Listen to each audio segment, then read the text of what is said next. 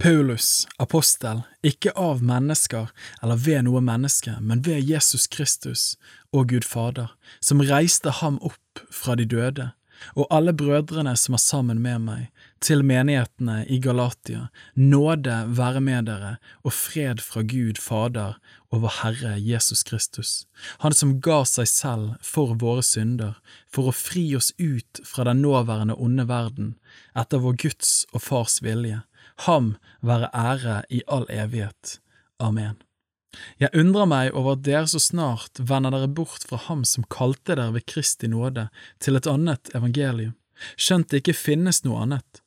Det er bare noen som forvirrer dere og vil forvrenge Kristi evangelium. Men selv om vi eller en engel fra himmelen skulle forkynne dere et annet evangelium enn det vi har forkynt dere, han være forbannet. Som vi før har sagt, så sier jeg nå igjen, om noen forkynner dere et annet evangelium enn det som dere har mottatt, han være forbannet. Søker jeg nå å bli anerkjent av mennesker eller av Gud, eller søker jeg å gjøre mennesker til lags? Dersom jeg ennå søkte å være mennesker til lags, da var jeg ikke Kristi tjener.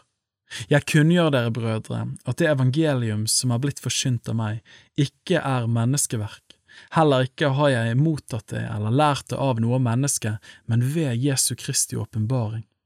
Dere har jo hørt hvordan jeg en gang levde som jøde, hvor hardt jeg forfulgte Guds menighet og forsøkte å utrydde den. Jeg gikk lenger i jødedommen enn mange jevnaldrende i mitt folk, og var enda mer nidskjær for overleveringene fra fedrene. Men da Han som utvalgte meg fra mors liv og kalte meg ved sin nåde, etter sin gode vilje, besluttet å åpenbare sin sønn i meg, for at jeg skulle forkynne evangeliet om ham blant hedningene, da samrådde jeg meg ikke med kjøtt og blod. Heller ikke dro jeg opp til Jerusalem, til dem som var apostler før meg, i stedet dro jeg straks av sted til Arabia, og vendte siden tilbake til Damaskus.